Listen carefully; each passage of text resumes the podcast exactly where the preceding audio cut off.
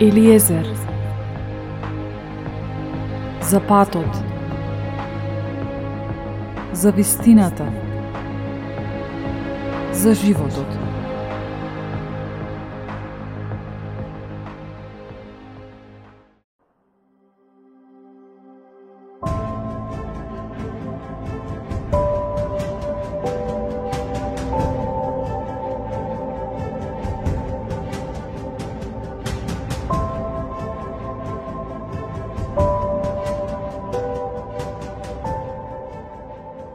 Почитувани слушатели, како сте? Започнува ново издание на Елиезер. Го започнувам со зборовите на Исус Христос. Ако светот ве мрази, знајте дека мене светот уште пред вас ме замрази. Да бевте од овој свет, тогаш светот ќе го љубеше своето. Но бидејќи не сте од светот, туку јас ве избрав од светот. Затоа светот и ве мрази.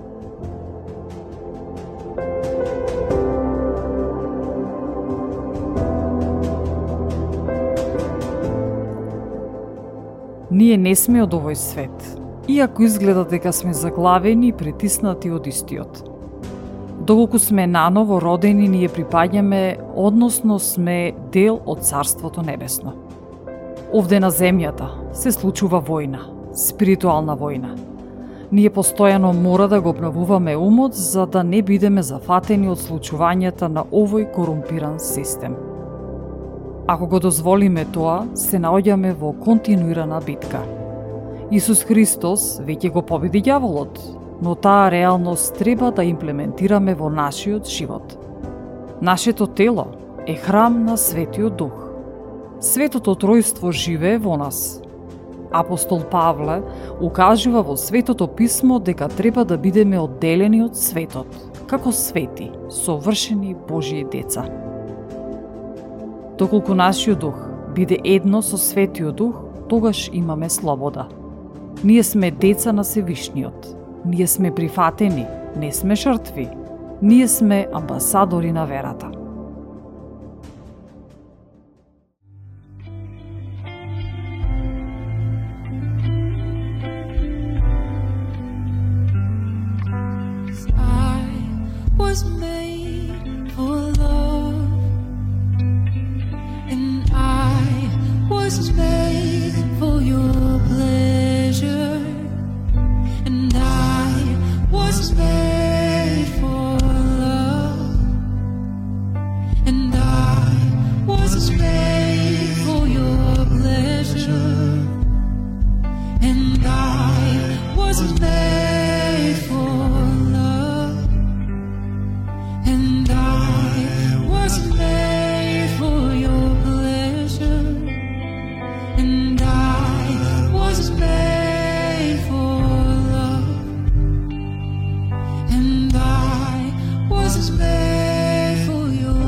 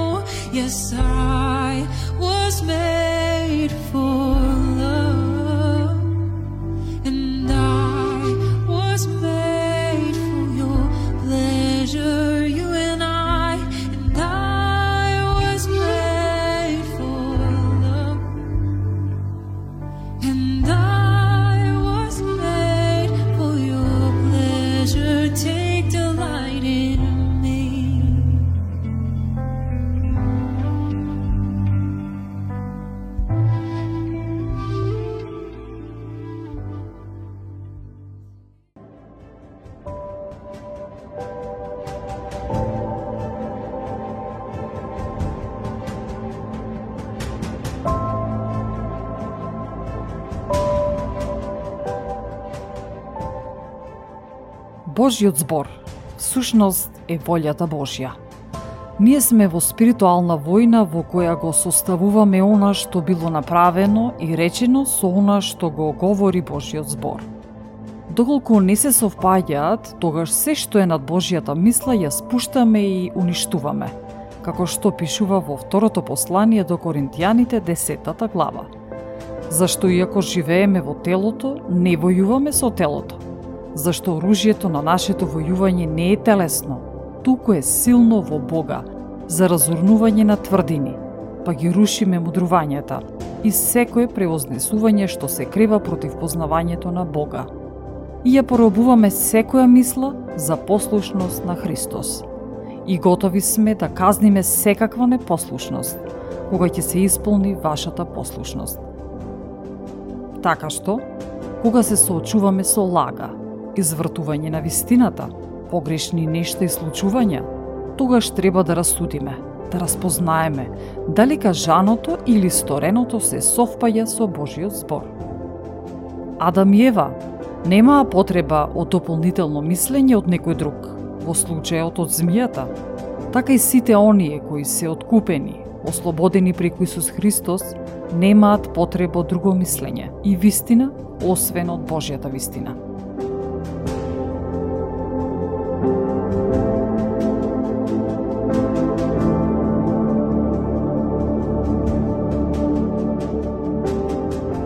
Грешката што се прави е тоа што ние даваме суд за тоа што е вистина врз основа на она што се случува наоколу, а не врз основа на Божиот збор.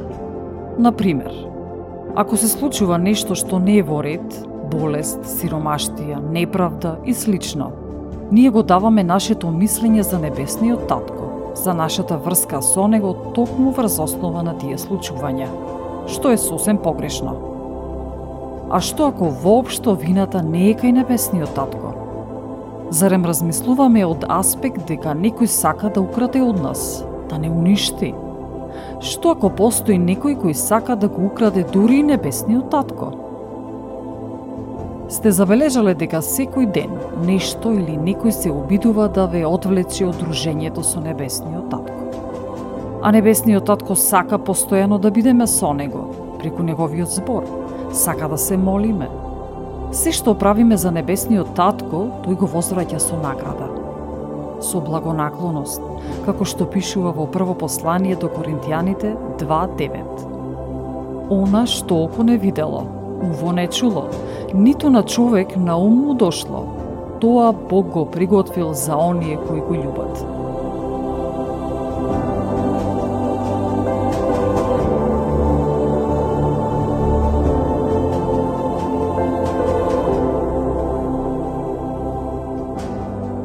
Се што правиме и што е добро во очите на Господа е запишано. За се не наградува. Изборот е наш. Дали ќе работиме според принципите на Божјото царство или според системот на земјата. Но мора да го знаеме и да бидеме свесни следново, дека и доколку правиме секако што треба, може да се случат токму спротивните работи. Треба да сме свесни дека живееме во скршен и расипан свет, во кој злото прави се и се што за да го уништи доброто. Еве, на пример, сакате да му подарите некому сет од автомобилски гуми. Организирате, ги купувате и му се јавувате на човекот дека следниот ден ќе има нови гуми за неговиот автомобил. Се радувате за тоа што го направивте, нели? Но следниот ден се случува токму една од гумите на вашиот автомобил да се дупни. Си поставувате прашање. Зошто се случи ова? Зарем не направив добро дело? И дека токму мене не треба да ми се случуваат вакви работи? Во што е суштината? Каде ќе упатиме вината? Кон кого? Со повеќето луѓе со кои сум разговарала, вината ја префрлаат на Бога а забораваат дека во позадина се наоѓа ѓаволот со неговите демони, кои прават се за да го уништат Божјото.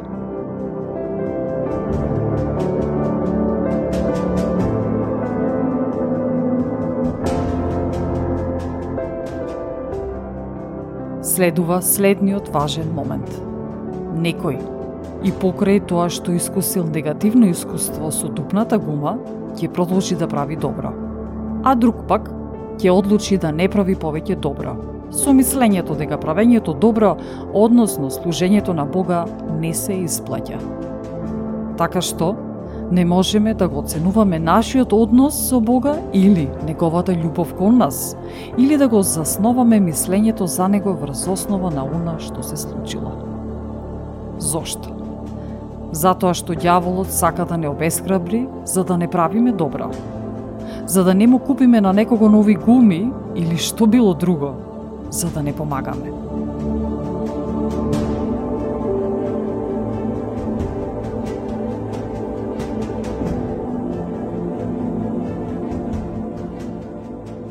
Дјаволот сака да го посрамоти Бог и сака секогаш да постави лажна представа за него. Она што треба да го направиме е да созрееме, да ја знаеме вистината, да ги користиме сите оружја што Бог ни ги има дадено за да се спротивставуваме на злото. Да ја користиме крвта на Исус Христос, да ја поставуваме на нас, на се што правиме, на се што допираме, до степен каде што влегуваме во зоната на Божјата благонаклоност при што ваквите негативни случаи нема да се случуваат во нашиот живот. Како што пишува во псалмите. И да одам низ долината на смртната сенка, нема да се уплашам од злото. И десети циљади да паѓаат, до мене нема да се приближат. Ќе ги испрати своите ангели да ме носат на раце, за да не се сопнам на камен. Или, како што пишува во Данил, Благословете го Господа, пеите и прославувајте го, бидејќи тој не извлече од пеколот и не спаси од раката на смртта, не избави од жарената печка и не спаси од средогнот.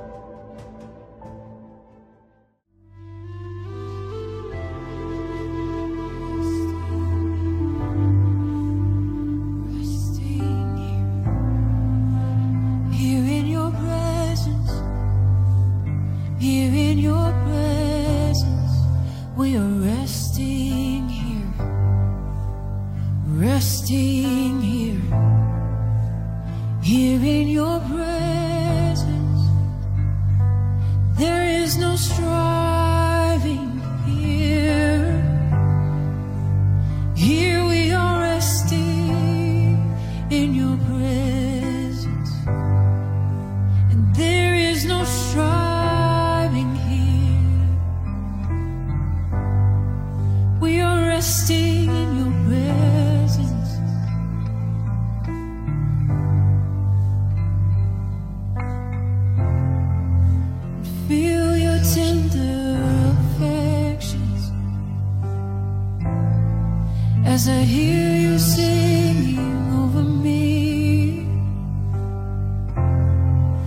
can feel your tender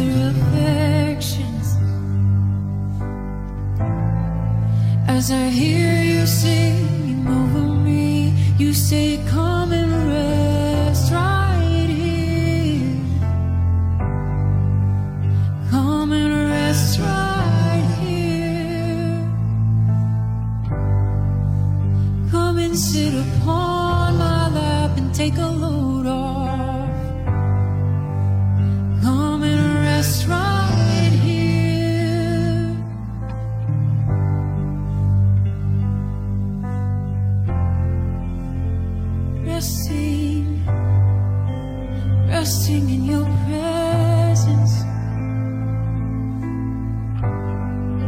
Cause this is where.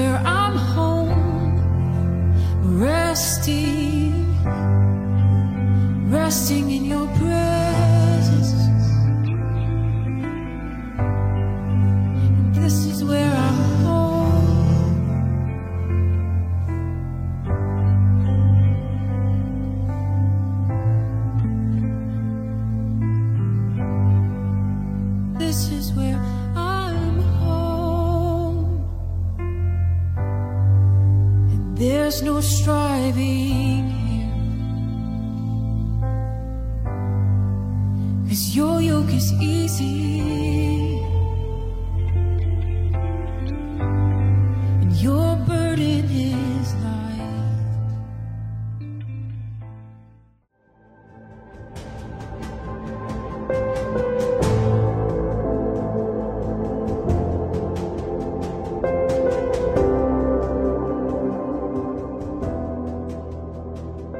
Небесниот татко. Сака се најдобро за нас. Но ние треба да избереме да одиме по неговите патишта. Имаме слободна воља. И тој ја почитува нашата одлука. Значи ние треба да одиме според Божите начела, да живееме синхронизирано со Него. Треба да го синхронизираме нашиот дух со Божиот дух. Да донесеме одлука дека нашата воља ќе биде Негова воља. Зарем не е така?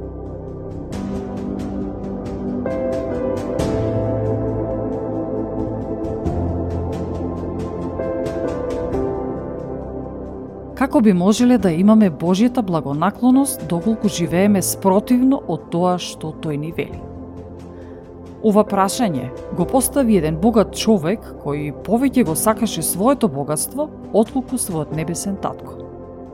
Поточно во Евангелие според Матеј пишува И ете, еден човек, кога пристапи до него, му рече Учителе добар, какво добро треба да направам за да имам живот вечен?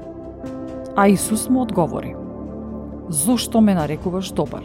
Никој не е добар освен единиот Бог. А ако сакаш да влезеш во животот, пази ги заповедите. Тој му рече, „Кој?“ А Исус одговори, не убивај, не прелюбодействувај, не кради, не сведочи лажно.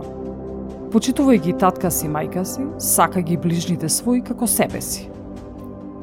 Младиот човек му рече, Сето тоа сум го запазил од младини. Што ми е уште потребно? Исус му кажа, ако сакаш да бидеш совршен, оди, продај го имотот свој и раздели го на сиромаси. И ќе имаш сокривиште на небото. Па дојди и врви по мене. Штом ги чу младиот човек тие зборови, си отиде нажален. Оти имаше голем имот.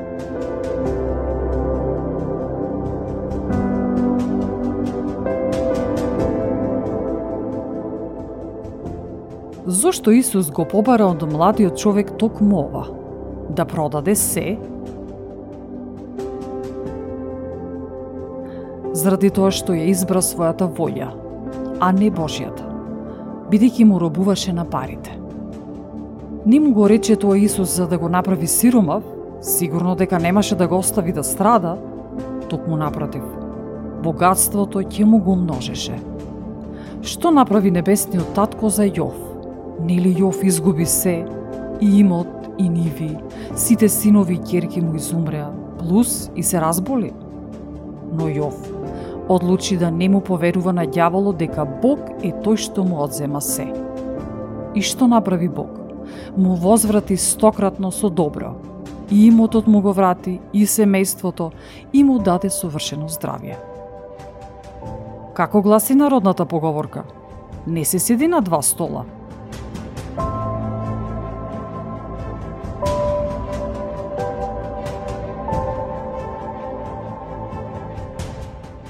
Што треба да научиме од ова? Треба да научиме, односно да бидеме свесни дека овде на земјата секогаш ќе се бориме против злото, против неправдата. Исус Христос ни даде авторитет за да имаме власт над ситуациите, над злото. Како што пишува во Псалмот, ќе газиш на лав и лутица, ќе ги згазиш змејот и змијата. Или во второ закони или повторени закони, 28 глава. Господ ќе ги порази пред тебе непријателите твои, кои се креваат против тебе. По еден пат ќе навлезат против тебе, а по седум патишта ќе избегаат од пред тебе.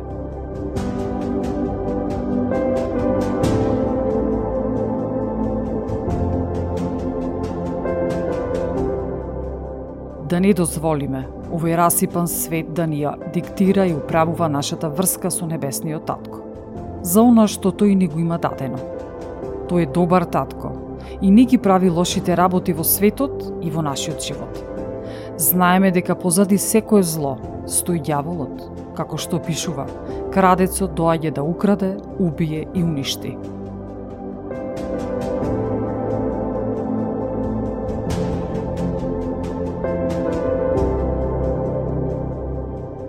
За крај на ова издание – се молам за вас со молитвата за победа и увереност во Божјата помош. која всушност е Псалм 19 според православниот превод, а Псалм 20 според останатите преводи.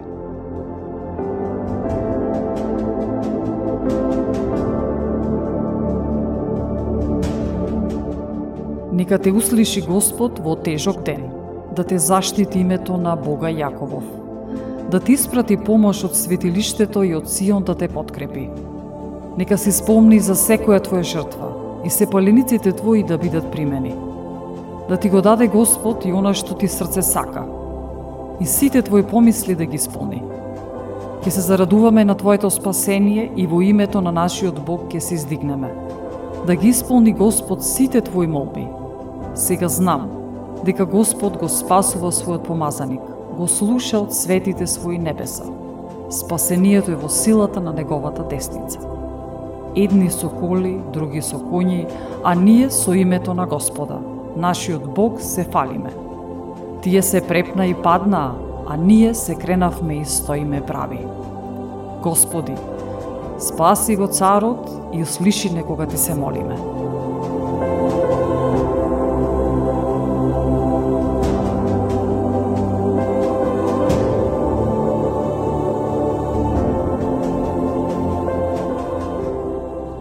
Ја следевте емисијата Елиезер, автор и водител Елена Ѓурѓевска Костадиновиќ. Под покровителство и во соработка со Господ Исус Христос и Господ Свети Дух.